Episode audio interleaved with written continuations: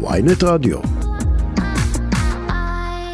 פרופסור ארץ סבן, נשיא אוניברסיטת בר אילן ויושב ראש ועד ראשי האוניברסיטאות, שלום לך. בוקר טוב. זה רק מקרי, כי אתה גם עומד uh, בראשות ועד uh, ראשי האוניברסיטאות, אז כך זה יצא, uh, שני נציגים מבר אילן. אתם uh, מוצאים מכתב לראש הממשלה ולשרי החינוך והמדע ומזהירים מפני פגיעה בתחום המחקר כתוצאה מהמהפכה המשפטית. אז תסביר לנו ותשתף אותנו מה אתם מרגישים שקורה בחודשים האחרונים. האמת היא שאנחנו, זה כבר עבר את שלב המרגישים, אנחנו כבר רואים דברים שממש קורים, ועליהם אנחנו מתריעים כי אומנם הם אה, עוד לא במסות גדולות, אבל אנחנו רואים את התהליכים הולכים ומתפתחים. בגדול, אנחנו רואים אה, מצב שבו מדענים אה, ישראלים שנסעו לחוץ לארץ לעשות חלק מההכשרה שלהם, אנשים צעירים, פחות חוזרים אה, באופן אה, יחסית משמעותי. אה, לא חוזרים, כפי שהיינו רגילים במשך כל השנים. אנחנו רואים ירידה בכמות הקרנות שאנחנו מקבלים מחוץ לארץ, אנחנו רואים ירידה בנכונות לתרום לאוניברסיטאות, זה חלק גדול מהיכולת שלנו להתפתח. לתרום מקרב תורמים בארץ או בחו"ל? בחו"ל. קצת בארץ זה יותר מורכב, אבל אה, מחו"ל אנחנו, יש ממש בודדים שממש עצרו כבר תרומות, אבל השיח נעשה הרבה יותר מורכב ויותר קשה. קשה לשכנע אנשים אה, מחוץ לארץ לשים את אה, כספם, את התרומות שלהם. למה בארץ. בעצם? כי ישראל ידועה באיכות ובהיקף המחקר ופריצות הדרך. איך זה קשור לפוליטיקה?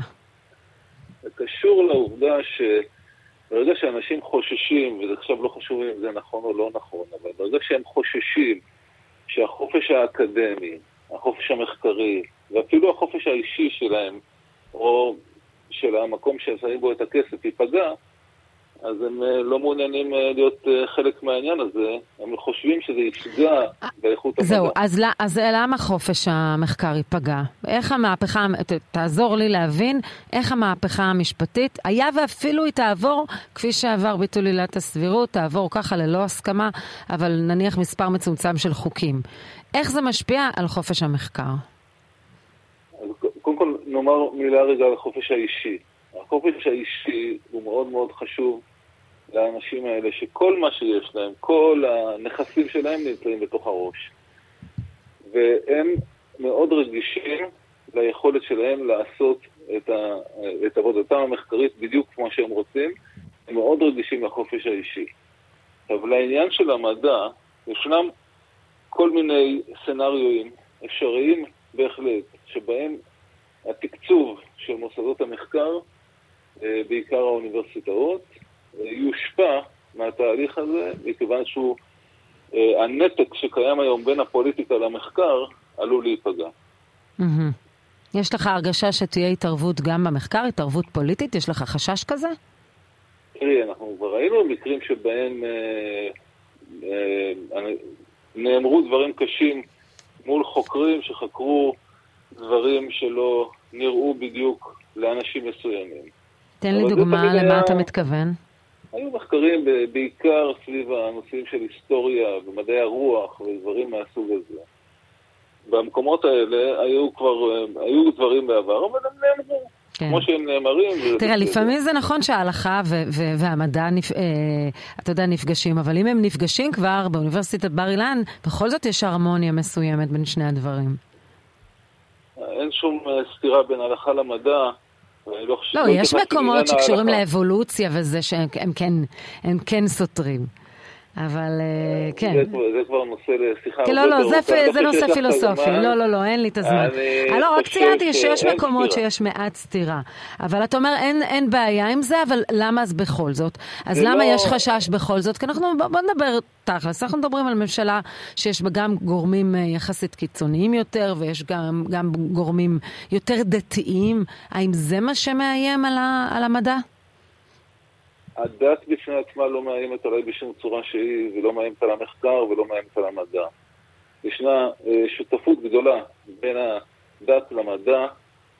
אני אשמח לצטט את אה, הרב לורד פרופסור ג'ונתן סאקס, שאמר משפט מדהים, שאני ככה אוהב לחזור עליו ולצטט אותו. הוא אמר שהמדע מפרק דברים כדי להבין איך הם עובדים.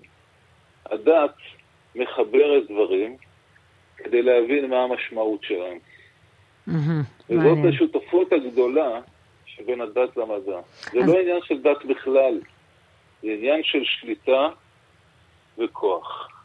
ויש לך תחושה שלפחות בממשלה הנוכחית יש רצון לשלוט אה, בכוח גם באקדמיה, ואת זה אתם מנסים למנוע.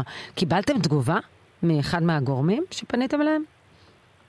בשלב זה לא קיבלנו תגובה, אני, נדמה לי שאנחנו ניפגש עם אה, אה, שר החינוך ושר המדע אה, על הנושא הזה. אני שמח שהם אה, קשובים, אני מקווה שהם יוכלו לעשות משהו בנידון. אפרופו מדובר... שליטה, ראית גם את הניסיון של שר החינוך לשלוט גם במועצה להשכלה גבוהה. אה, זה גם נכון. והנה, את אה, שאלת אותי קודם שאלה, אז, ו, ו, ו, ואני נמנעתי לדבר על זה ספציפית, אבל הנה דוגמה לאיך הדברים יכולים להשתנות, ולמה החשש הגדול שלנו. אה, כי היה אה, כל השנים נתק מוחלט בין הפוליטיקה למדע, נתק מבורך שהביא אותנו להישגים מדהימים. בסוף כולם נהנים מהעניין הזה. מה תעשו? מה תעשו באמת אם יהיה ניסיון פוליטי להשתלט גם על המוצא להשכלה גבוהה וגם אה, השפעה פוליטית על האקדמיה, על המחקר? חוץ מהבעיות האחרות שאת, שיש לכם, בעיות של משאבים, של תרומות ושל uh, קרנות מחקר וכולי, מה תעשו? מה, איזה אמצעי יש בידכם כאקדמיה? אני לא בשלב הזה. אה, אתה עוד לא. ודאי לא כדי לשים את זה כרגע, אנחנו ודאי... כלומר, לא שוקלים להשבית את מוסדות האקדמיה. כרגע לא. כרגע לא, אנחנו ודאי נתמודד עם הדבר הזה. כרגע מה שאנחנו עושים זה להתריע. ההתראה שלנו נועדה כדי שכולם, כל, כולם, אני יודע שיש הרבה אנשים ששומעים את זה ואומרים אה, זה, זה חלק מהמחאה או דברים כאלה. אז אני אומר שלא.